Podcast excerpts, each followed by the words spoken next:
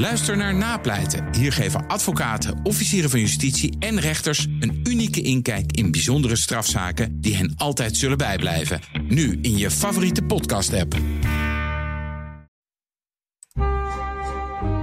De Perestrooikast. Een blik op Oost-Europa.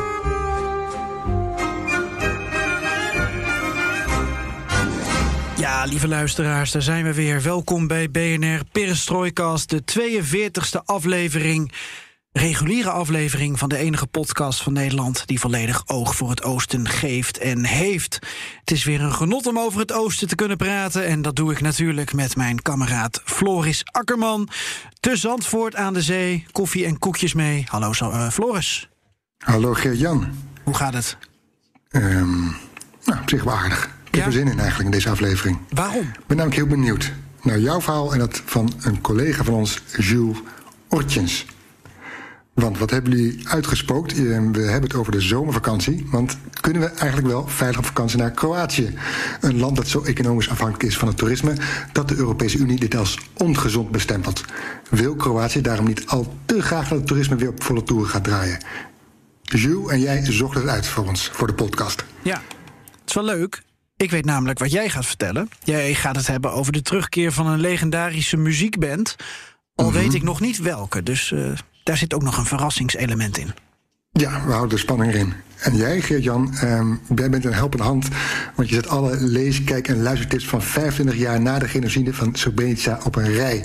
Uh, niet alleen voor mij, maar ook voor de luisteraar hopelijk. Want ja, het is toch bijna te veel om te noemen. Maar uh, je, maakt een, je hebt een mooie selectie gemaakt. Shortlist, ja.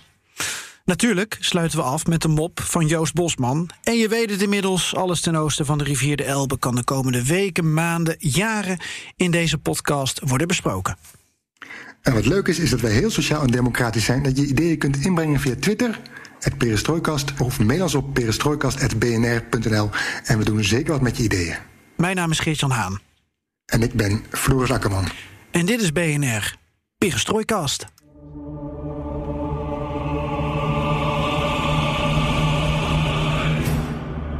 Ja, dan beginnen we altijd eh, onze aflevering met een klein nieuwsrondje. Uh, al kan dat natuurlijk. Uh, uh, ja, dat hoeft niet altijd scherpe actualiteit te zijn, Floris. maar ik ben toch benieuwd waar jij mee, mee komt. Want je hebt het over een legendarische muziekband. Nou, als iemand was overleden, dan had ik het wel gehoord, denk ik. wat voor duiding geef je bij het nieuws dat je tot ons laat komen? Ja, start de band maar, een fragment.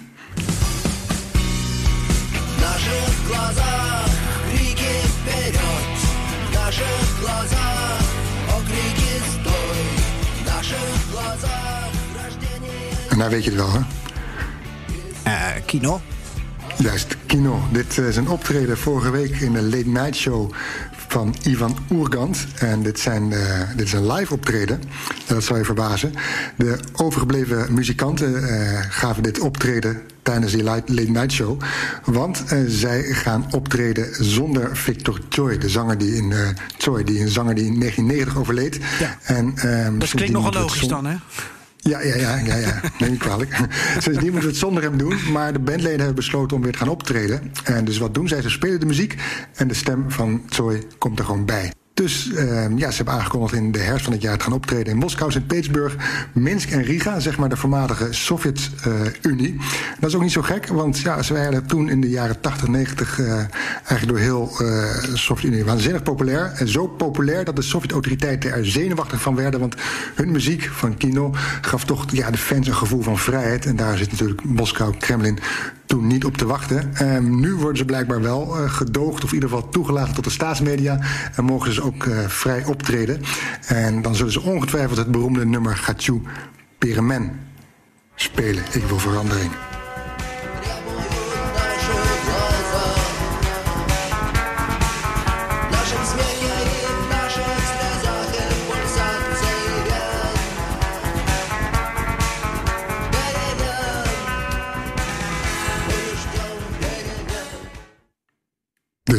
Oh, je, je, wacht ook gewoon tot het nummer voorbij is. Dat Ja, heet, dat heet echt- uitveden in, in radiotaal. Dat je er dan overheen Ja. kan praten.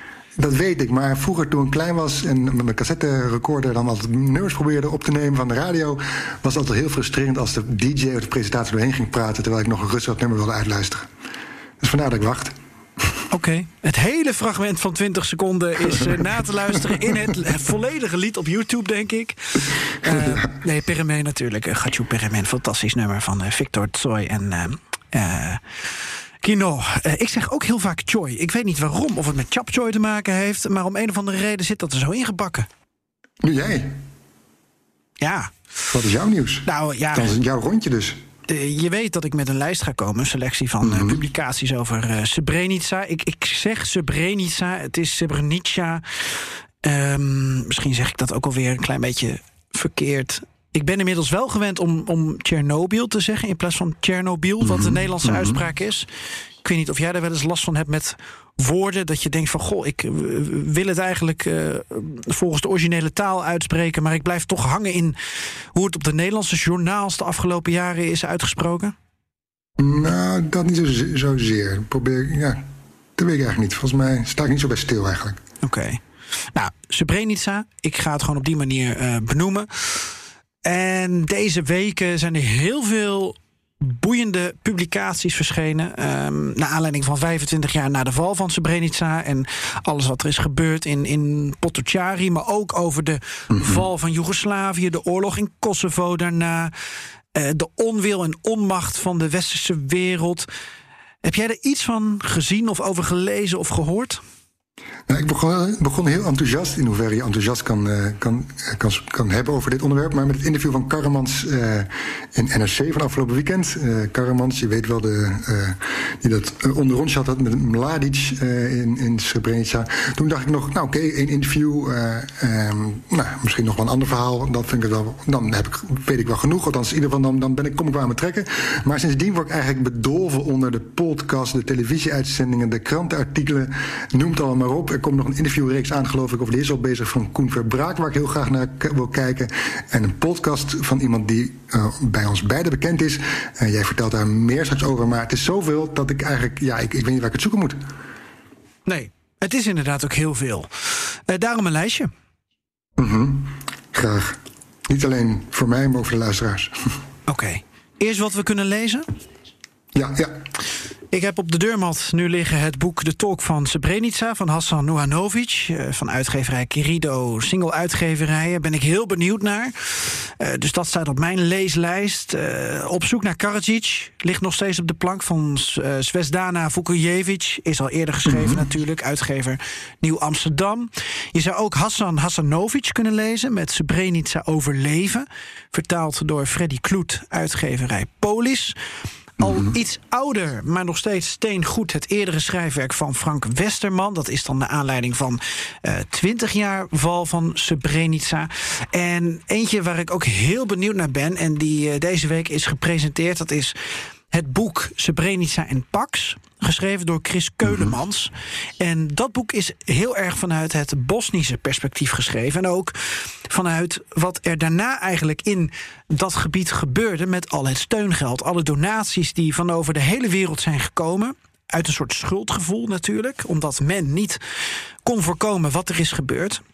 Mm -hmm. En het is wel mooi om te kijken hoe die geschiedenis van 25 jaar solidariteit, hoe dat dan, dan uitpakt in, in, in werkelijkheid. En wat je dan uh, daarvan kan zien als je daarheen gaat, bijvoorbeeld. En uh, ja, dat vind ik ook een heel interessant boek. En dat staat dus op mijn lijstje. Dus je hoort het. Niet alle tips die ik geef zijn dingen die ik zelf al heb kunnen zien of lezen. Maar het is wel uh, waar ik geïnteresseerd in ben. En dan laat ik het aan de luisteraar zelf om het op te pakken. Oké, okay, dan schrijf ik deze op. En dan ben ik benieuwd naar de luistertips.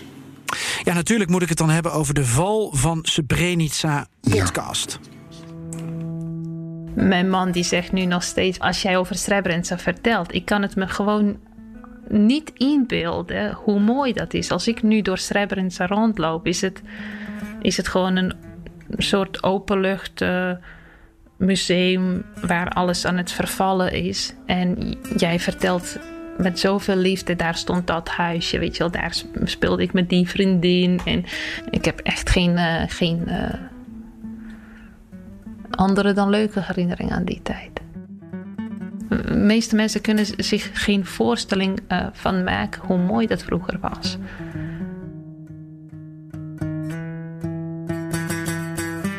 Het Srebrenica uit de herinnering van Alma bestaat niet meer. De kleine stad in de bergen waar ze met haar broer in de rivier speelde. Door de oorlog is Srebrenica getekend. Het is nu voor altijd de plek waar 8000 mannen werden vermoord. Ja, Floris, prachtige uh, podcast, prachtig project. Achtdelige serie van Misha Melite en Marjolein Koster. Onze collega, je hoort daar ook regelmatig in de Perestrooikast. Ze zijn naar ja, zeker. Srebrenica gegaan, hebben een hele educatieve podcastserie gemaakt, om het zo te noemen. Want het, het is een podcast met en over en voor uh, wat jongere luisteraars. Die eigenlijk niet bewust alle gruwelijkheden van Srebrenica zo hebben meegekregen. Het niet op het netvlies hebben staan of niet bewust misschien wel de radio uitzetten, omdat het niet voor te stellen was dat dit kon gebeuren in het uh, Europa na de Tweede Wereldoorlog. En daarom is deze podcast zo interessant, um, want, want je leert wat meer over het hoe en het waarom. En dat is ook voor die jongere generatie dus echt van toepassing. Nou, Marjolein geeft aan dat ze echt overweldigd is door alle reacties. En ik vroeg haar dus ook maar om een reactie. Je hoort Marjolein. Ik heb echt super veel positieve reacties gekregen. We weten echt eigenlijk niet wat ons overkomt. En de luistercijfers zijn ook heel goed. Dus ja, daar zijn we wel heel erg blij mee. Was ook spannend, want het is een ingewikkeld onderwerp. En we willen het verhaal aan de ene kant zo volledig mogelijk brengen. Terwijl we ook heel bewust voor de persoonlijke verhalen kiezen. En willen ook dat de podcast toegankelijk zou zijn voor mensen die helemaal niets weten. Want de mensen die de Perestroikast luisteren, die hebben uh, misschien of waarschijnlijk die kennis wel over Srebrenica. Maar een heel groot deel van de mensen onder, nou ja, zeg de 35, die heeft gewoon echt geen idee. En uh, uit de reacties blijkt dat uh, mensen de podcast inderdaad toegankelijk vinden en laagdrempelig. Maar we horen ook van mensen die dachten dat ze alles al wisten, dat ze toch nieuwe dingen hebben geleerd. Dus uh, nou ja, ik zou zeggen luisteren als je dat nog niet gedaan hebt. Ik hoorde je gniffelen, Floris, halverwege. Nou, sportief dat ze ons noemden. En uh, ik, ja, ben, ik vind het heel mooi dat ze, het heeft, dat, ze dat samen met uh, collega Melita, Misha Melita, heeft gemaakt. Echt mijn complimenten. Ja. Echt leuk. Het is ook echt prachtig afgemonteerd. Het is echt een huzarenstukje. Ja. Een, een, genot voor het oor, hoe verschrikkelijk mm -hmm. het ook is. Ja, mooi. En ja, dan van de luistertips naar de kijktips. Ik noemde al Koen Verbraak. Ja. Interviewserie, uh, driedelige mm -hmm. documentaire serie Srebrenica, machteloze missie van Dutchbed. Um, ja, jij had het over uh, interviews, ook die je hebt gelezen met Karamans. Hier kan je hem zien.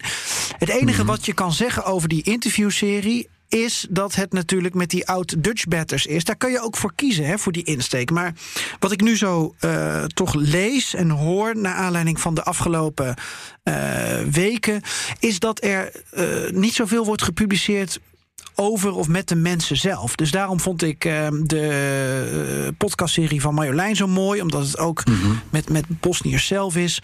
Ik vind het ook mooi dat daarom dat boek van Chris Keulemans is gemaakt. Maar goed, dit is wel ook een aanrader als je gewoon de emotie van de oud-Dutch batters wil weten.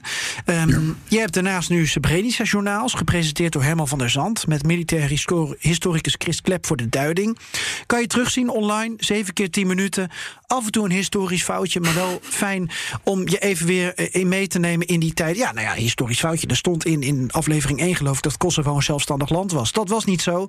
Je moet wel. Niet, nee, nee, nee. nee, je moet dat wel gewoon goed hebben natuurlijk. Maar goed, ja. hè, altijd heel makkelijk om te wijzen ja, naar collega's. Ja. Nou ja, we zijn er niet om fact te checken. Uh, ik raad het nog steeds aan, omdat ik het wel heel interessant vond om weer even meegenomen te worden in het uiteenvallen van Joegoslavië, het oplopen van de spanning en wat er allemaal aan vooraf ging. Want ja, Srebrenica was 95, maar je wil niet weten wat er de jaren daarvoor allemaal gebeurd is. Sterker nog, dat wil je eigenlijk wel weten natuurlijk. Maar, uh, Floris, beste kameraad. Waar ik echt door geboeid was, waren twee persoonlijke documentaires, als ik dat zo mag noemen. Eentje met Rob Zomer, een inmiddels bekende oud-soldaat van Dutchbed 3... die centraal staat in de korte film van Priska van der Mullen...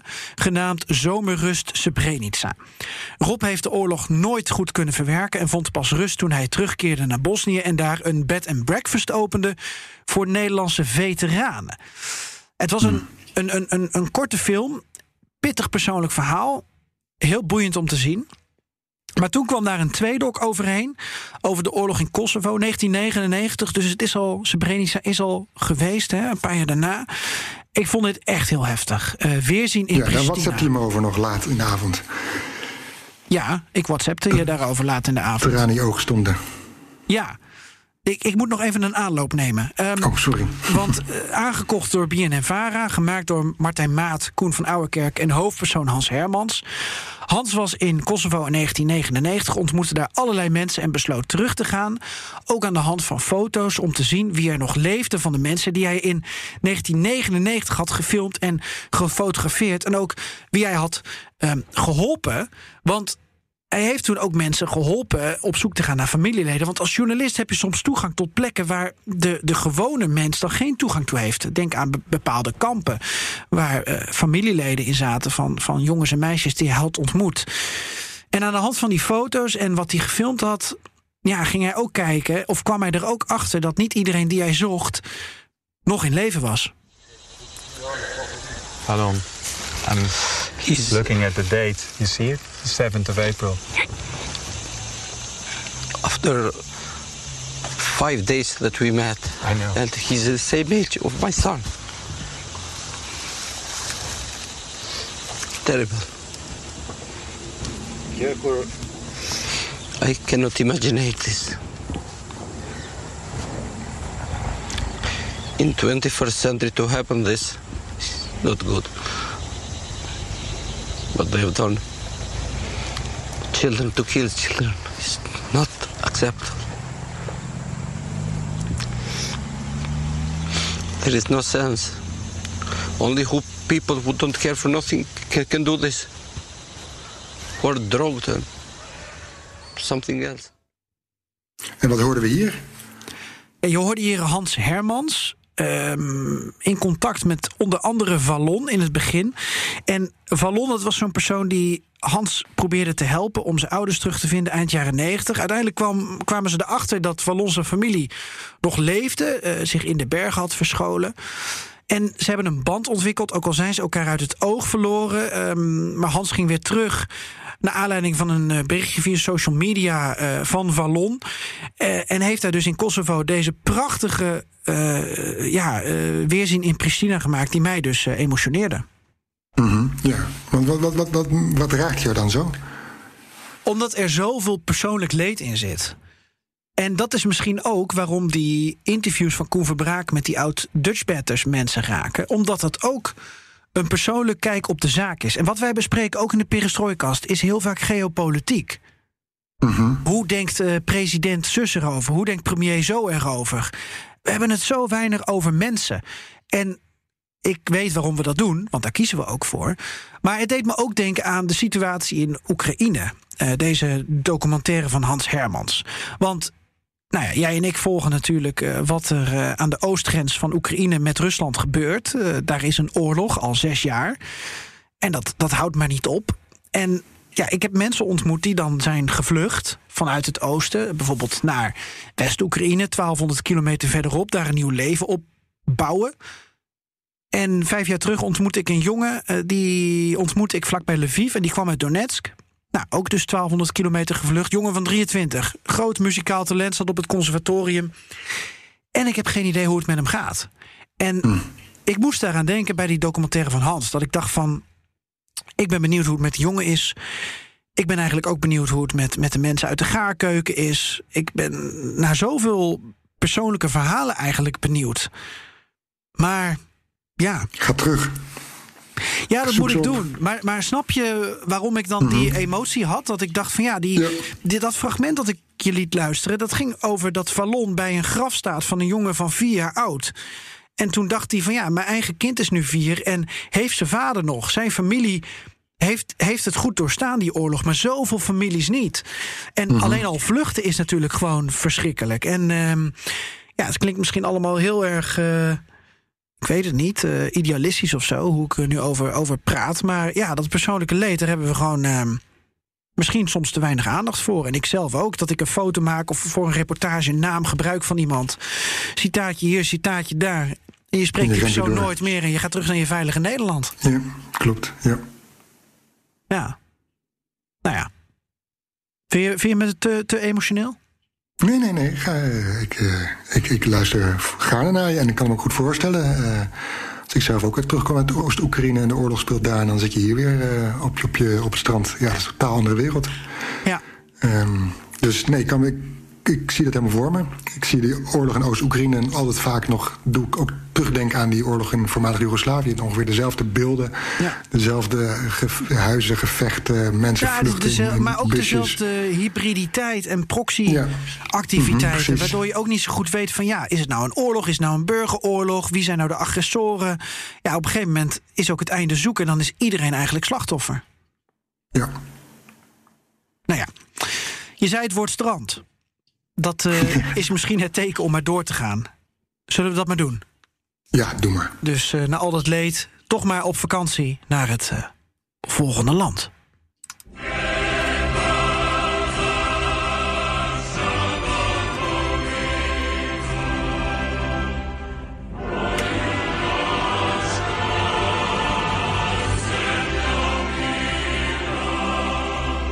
Ja. Even schakelen, Floris, naar eh, Kroatië. Want Kroatië wil dat Nederlanders weer massaal op vakantie komen. En jij weet daar meer over, omdat ik daar meer over weet. Ja, zo, zo doe je dat. Eh, ja, dat vakantiegevoel. ehm, ja, en de Kroatië wil graag dat we allemaal massaal eh, hun kant op komen. Dat is niet zo vreemd, want de Kroatische economie ligt in het slop. Het land is voor zo'n kwart afhankelijk van toerisme... en er staat een economische krimp van ruim 10% te wachten. Maar hoe verstandig is het eigenlijk om te gaan? Ehm, terwijl alweer meer dan 1 miljoen toeristen het land zijn ingestroomd... zijn er ook weer meer dan 100 nieuwe coronadoden geregistreerd. En als klap op de vuurpijl zijn er ook nog eens net verkiezingen geweest in Kroatië. Alsof de Kroaat nog niet genoeg aan zijn hoofd heeft. Wat ik al zei, Geert-Jan en Jules Oortjens zijn op onderzoek uitgegaan... en hebben gepolst bij Kroatische ondernemers en deskundigen gesproken... hoe veilig de Kroatische Republiek op dit moment is. Ja, waarbij ik wel moet zeggen dat eh, Jules eh, natuurlijk het meeste onderzoekwerk heeft gedaan. En dat ik hier een beetje eh, aanschuif voor de, voor de duiding daarbij. Maar het, het fascineerde mij en jou ook volgens mij. Zeker, zeker. Ik ben, ben, wat dat betreft is het wel interessant als we het over die oorlog hebben gehad, hoe landen daar op hun manier proberen eruit te komen en hun weg vervolgen. Oké. Nou, Jules en Floris, take it away. En Jules, kunnen we op vakantie naar Kroatië? Nou ja, de eh, echte vraag is natuurlijk: kunnen we überhaupt op vakantie? En wil je het risico nemen om op vakantie te gaan naar Italië, dan zou het ook eh, gek zijn om niet naar Kroatië te willen. Dus de waarheid is gewoon: ja, we weten het gewoon niet. Zuid-Europese landen zeggen nu wel dat ze kunnen, of dat wij kunnen komen. Maar diezelfde landen zijn natuurlijk ook heel erg afhankelijk van toerisme. Dus het is misschien wel wishful thinking als, eh, als Kroatië zegt dat het kan. Mhm. Ja, tegelijkertijd, Kroatië was wel een van de landen in Europa die tot voor kort heel weinig besmettingen had. Ze hebben het eh, betrekkelijk goed gedaan in de pandemie. Maar ja, we weten het niet. Hè. Je ziet het ook eh, elders in de wereld. Besmettingen die weer oplopen in Duitsland, nieuwe uitbraken in Beijing. Kortom, wat vakantie in de Balkan betreft, betreden op eigen risico. Ja, je bent er voor ons ingedoken. Je hebt een mooie lijst, eh, zag ik van tevoren, van ondernemers die je hebt gesproken. Ja. Met uit Vlamingen, Vlaanderen, Nederlanders, eh Kroaten. ja, Nederlandstalige, ja, ja, Nederlandstalige Kroaten. Mhm. Ja. En, en eh, hoe kijken zij het tegen? hè? Dus zijn, wij zijn vooral eh, actief in de, de hotelbranche of toeristensector. Hoe kijken zij tegen het opkomend toeristenseizoen aan? Nou ja, dat hangt er echt heel erg vanaf wie je vraagt. En sommige Kroaten die bijvoorbeeld dus Duits of eh, Nederlands spreken... die hebben in de loop der jaren normaliter een beetje een ouderwets netwerkje opgebouwd in Europa. Ja, nou, nu die grenzen weer open zijn voor toerisme... krijgen die nog wel eh, een aantal vaste gasten uit Noord-Europa over de vloer. Maar eh, ben je net een paar jaar geleden begonnen... of heb je nog gewoon niet zo'n sterk netwerk opgebouwd... Ja, dan ben je afhankelijk van websites als eh, Booking.com. En dat is natuurlijk een heel ander verhaal. Ja, en belangrijk ook. Ik heb dus vooral gesproken met Nederlandstalige Kroaten. En die hebben dan vaak Nederlandse of Vlaamse roots.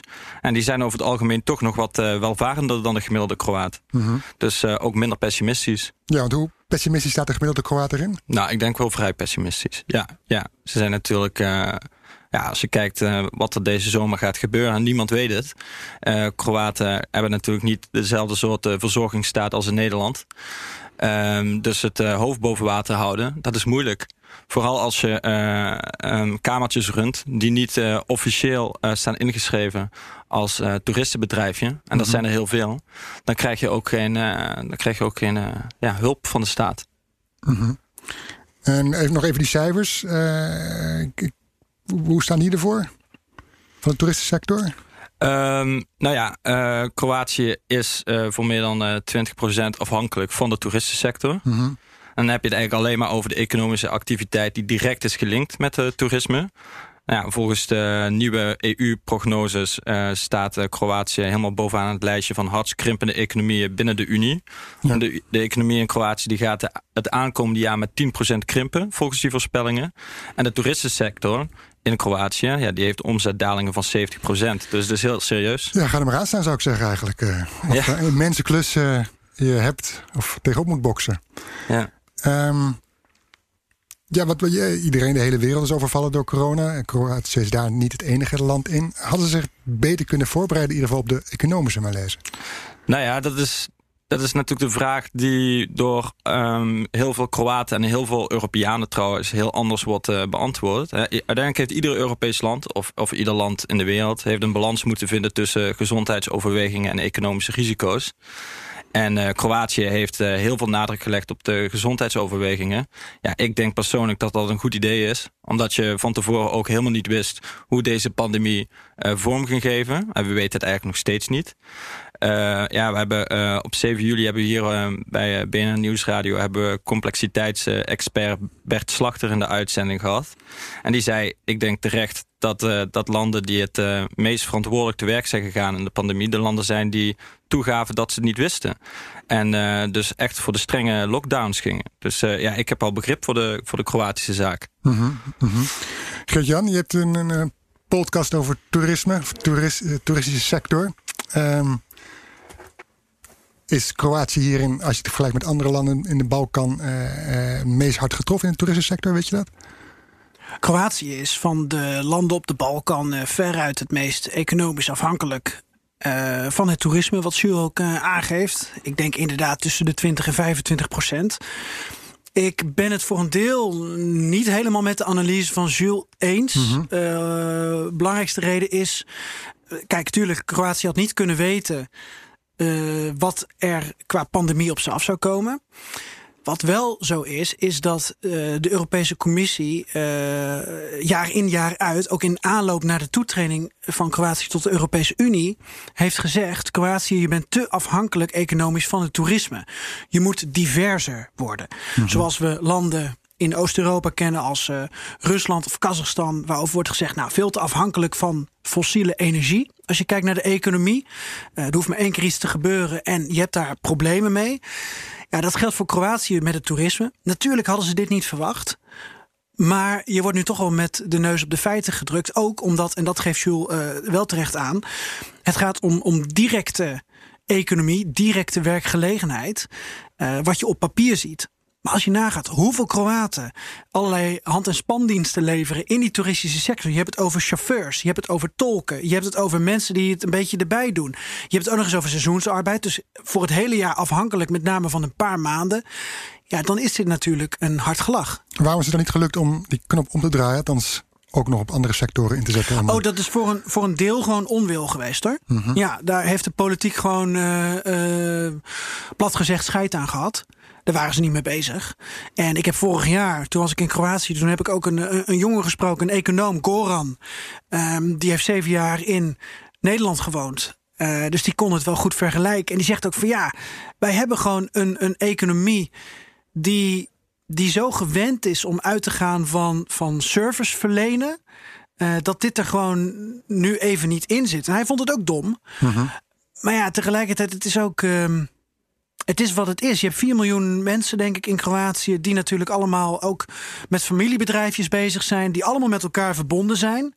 Ja, en als je een hele keten hebt opgezet. ja, als één iemand daarmee stopt. dan die hele dienstverlening. die, die gaat dan anders eruit zien. Maar ja, het is wel iets waar ze zich nu toch echt op moeten gaan richten. Ehm, het is namelijk ook de vraag wat ze uit dat steunpakket van de EU, waarover onderhandeld wordt door de commissie, ik geloof 750 miljard euro, ja, wat er naar Kroatië gaat en onder welke voorwaarden. Want er is gezegd door de EU, ja, je moet gaan eh, vergroenen en verduurzamen. Dus je moet al een transitie gaan maken. Nou ja, dat is een zware taak dan voor de Kroaten. Ja. Zo kijk ik er dan naar. een zware taak voor de Kroaten. Jules, ik begrijp dat eh, Kroaten wel gewend zijn aan rampen. Hè? Ze kunnen wel tegen een stootje. Ja, ja en ik, wil, ik wil daar ook even bij toevoegen. Um, ik ben het er helemaal mee eens hoor. Met ja, we zijn niet uh, wat braaf allemaal weer. nou, ik ben, het, ik ben het mee eens dat, dat het voor een groot gedeelte uh, politieke onwil is. Maar uh, we moeten ook even beseffen, en jij, jij hint er al op, Kroatië is eigenlijk een recent voormalig oorlogsgebied. Een tamelijk uitzonderlijke positie um, in, binnen de Europese Unie. En um, een van de weinige voormalige Joegoslavische staten waar het relatief goed gaat. Eigenlijk op uh, Slovenië na. Mhm. En dat is natuurlijk wel voor een groot gedeelte te danken aan datzelfde toerisme en diezelfde industrie. Ja. Dus uh, het is natuurlijk niet een uh, bodemloze put, die toerisme sector. Het heeft hen ook echt geëmancipeerd. Ja, maar je hebt met, met ondernemers gesproken. Wat dat proef je daarvoor optimisme uit van vechtlust? Vechtlust als een optimisme naar de toekomst toe? Ja. Ja, uh, nou nogmaals, het is, uh, het, is, het, is, het is heel afwisselend. Um, bij de ene uh, ondernemer hoorde ik, uh, hoorde ik echt hele optimistische geluiden dat het wel goed komt. Maar ja, daar werd dan ook meteen gezegd van ja, maar ja, ik ben goed verzekerd. Uh, ik heb mijn, ik heb mijn agenda. nou, ik heb, ik, ik heb alles goed uitgepland. Ik ben op het ergste voorbereid. Ja, andere ondernemers zijn dat gewoon minder. En dan heb je wel een probleem in Kroatië. Dus het is heel gemengd. Ja, ik begreep ook dat ze zich moeten terugdenken aan de oorlog in de jaren negentig. Ja, ja. Ja, een voorbeeld uh, waar ik altijd aan terugdenk is uh, Romana uh, Tomaljanovic. die aan het, aan het in het kustgebied appartementen verhuurt. Haar vader die riep uit toen, toen het begin van de lockdown begon die riep uit, uh, nou, dat doet me echt denken aan de oorlog. Mhm. alle winkels dicht, uh, de straten um, verlaten, um, stilte in de parken en op de pleinen. Ja, dat is natuurlijk, dat, dat zegt ook misschien wel iets over die Kroatische mindset. Hè. Als je kijkt naar die hele strenge lockdown in Kroatië. Kroaten waren best wel, uh, nou hoe zeg je het? Ze luisterden. Mhm. En ze, ze namen het heel erg serieus, meteen mhm. vanaf het begin. En ik denk dat dat toch ook uh, gedeeltelijk is, omdat uh, ja, voormalige Joegoslaven... die hebben ook een beetje een lockdown mindset. Die mhm. weten dat er uh, rampen uh, op de agenda staan. Mhm. Ja. ja. En, en hoeveel besmettingen zijn er nu? Hoe staat Kroatië, Kroatië ervoor? Nou, uh, ze hadden heel lang hadden ze uh, eigenlijk geen uh, besmettingen. sinds een paar weken worden er weer meer besmettingen geteld. Gemiddeld net onder de 100 op een dag. Om een bevolking van 4 miljoen. En, en dat is natuurlijk toe te schrijven aan de heropening van de grenzen voor toeristen. Mm -hmm. jan je wilde graag wat aan toevoegen? Nou, dit is ook wel waarom Jules en ik uh, hier een paar weken geleden over begonnen na te denken. Hè? Mhm. We hebben natuurlijk de verhalen dat het uh, relatief goed gaat in uh, Oost- en Zuidoost-Europa, op Rusland en Wit-Rusland. Nou, wat betreft de, de coronabesmettingen, het aantal. de aanpak heel hard, hele harde lockdowns. Maar wij vroegen ons wel af van ja, wat kunnen we daar nou mee? Zijn ze dan straks niet te snel aan het versoepelen, maar ook hoe betrouwbaar zijn de cijfers en de statistieken. Mhm. En niet om gelijk te halen, maar wat nu in Servië gebeurt, wat we in de vorige podcast hebben besproken. Ja, dat geeft toch wel aan dat landen op de Balkan, en dat is ook wel wat Jules volgens mij uit gesprekken heeft teruggehoord, toch niet 100% te vertrouwen zijn in wat ze vertellen. In het geval mhm. van Servië hebben ze statistieken, cijfers overlegd... die gewoon niet bleken te kloppen in het belang van de verkiezingen. Nou, Kroatië net verkiezingen gehad. Regeringspartij HDZ weer dik gewonnen. Ik zeg niet dat de cijfers niet kloppen. Um, ik zeg alleen, het zou kunnen dat ze nog veranderen... en dan hebben ze er wel degelijk wat bij gedaan. Maar het is gewoon zo ingebakken in dat land. En daarmee wil ik niet alle Kroaten wegzetten als corrupt of uh, vol van vriendjespolitiek. Maar men is er ook niet wars van. En daarom uh, vraag ik me af hoe deze zomer gaat verlopen.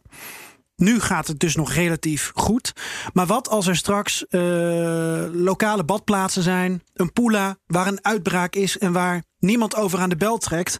Want ja, we zijn zo economisch afhankelijk van de toeristen. We willen niet dat de boel weer op slot wordt gegooid. Mm Want dat doen ze dan in principe, in principe zonder slag of stoot. Maar ja, een envelopje hier, een envelopje daar bij een lokale gouverneur.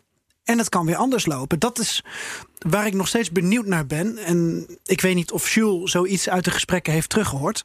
Ja, ik, ik heb het wel teruggehoord bij sommige uh, ondernemers in Kroatië, hoor. Dat die ook uh, daar hun twijfels bij hebben.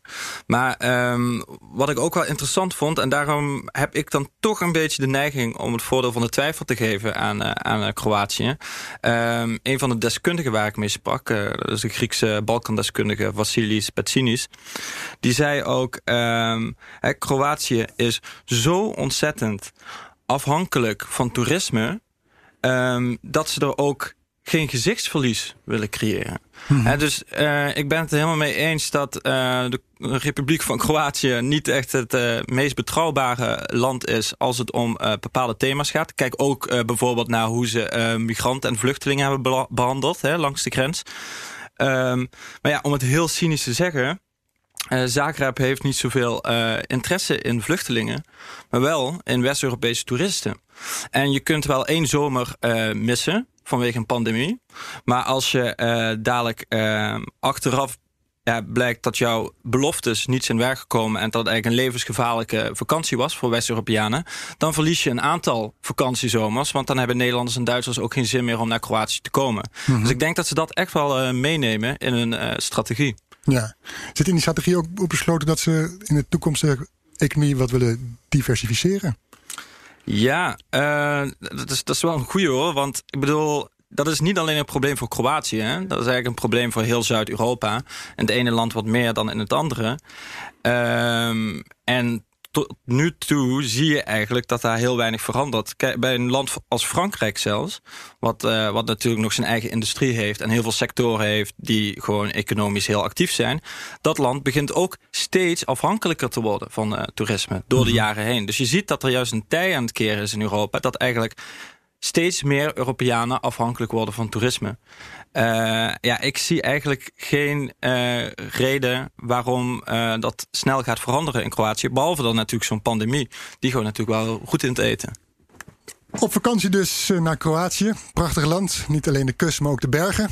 Ehm, moet ik dan nog met enige coronamaatregelen rekening houden, Jules? Nou, ze lijken eigenlijk heel erg op die van Nederland. Er is uh, geen uh, lockdown, het is, uh, er is geen thuisblijfmaatregelen. Afstand houden is ook gewoon anderhalve meter. er gelden geen beperkingen om samen in de auto te zijn.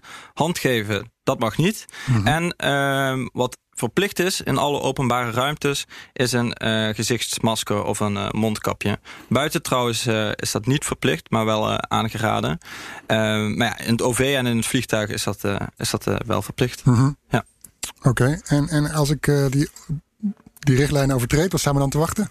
Nou, dat, dat kan een fikse boete zijn. Tussen de 1050 euro en de 15.800 euro. Dat is voor een Nederlander al een tamelijk dure uh, boete. En voor een uh, Kroaat is het uh, bijna onbetaalbaar. Ja, dat kan dus een dure vakantie worden. Ja. Oké, okay, ik kies misschien dan toch een ander land. Dankjewel, Jules en Geert-Jan. Hallo, Moskou. Hallo, Amsterdam, zullen we maar zeggen. Ja, Zandvoort. Zandvoort. Hoe is het daar? Goed, het is heerlijk weer, niet te warm, 23 graden. Ja. Er drijven schapenwolkjes door de lucht. Uh, het weekend staat voor de deur, is eigenlijk al begonnen. Want we doen gewoon niks meer. Hoe, hoe buiten is Moskou?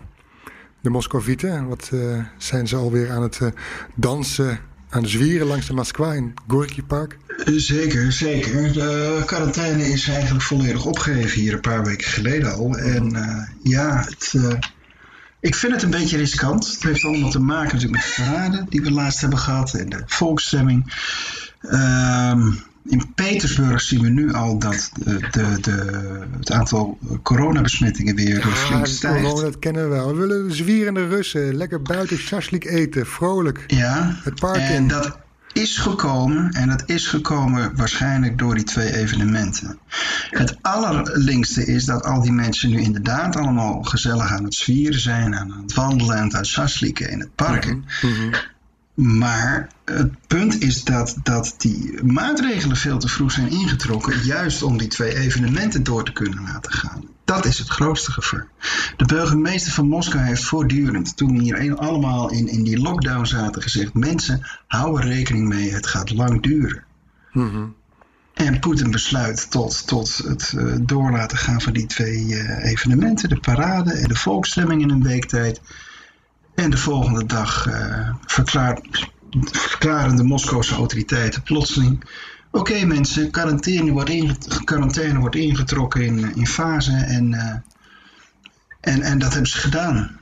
Maar jij zwiert uh, niet mee dus? eigenlijk niet verantwoord. Wat zeg je? Jij zwiert niet mee, je eet geen chastik mee in de parken?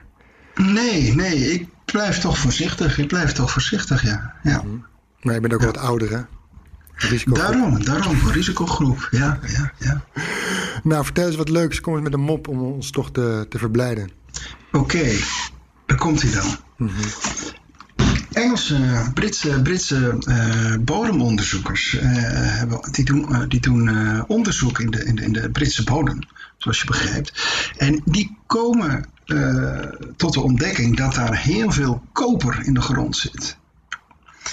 En nou ja, dat moet waarschijnlijk, denken zij, zijn geweest van koperdraad. En ze kunnen niet tot een andere conclusie komen dan dat er duizend jaar geleden al uh, telefonie was in Engeland. Een telefoonnetwerk.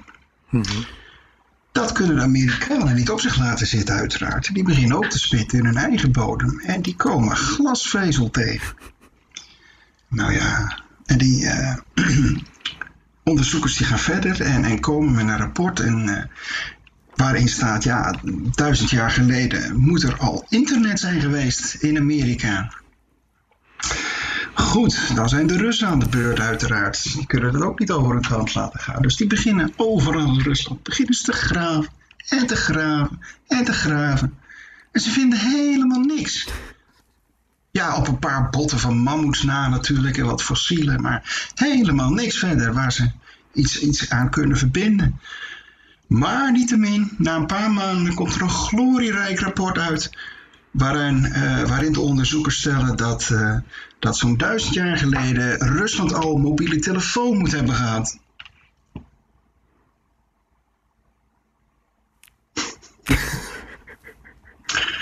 Je snapt het niet, hè? Nee. Ik was er al bang voor. Ik moet wel de hele lachen hoe je hem opbouwt en vertelt. En de manier waarop je het vertelt. Maar ja, dan val ik stil. Dan is de kloeder en dan haakt hij weer af. Ja. Het is toch ook zo jammer dit. Traditioneel. Ik ga ja. er nog even over nadenken. Doe dat maar. Dankjewel, Joost. Dag Floris. Pakka. Pakka, pakka.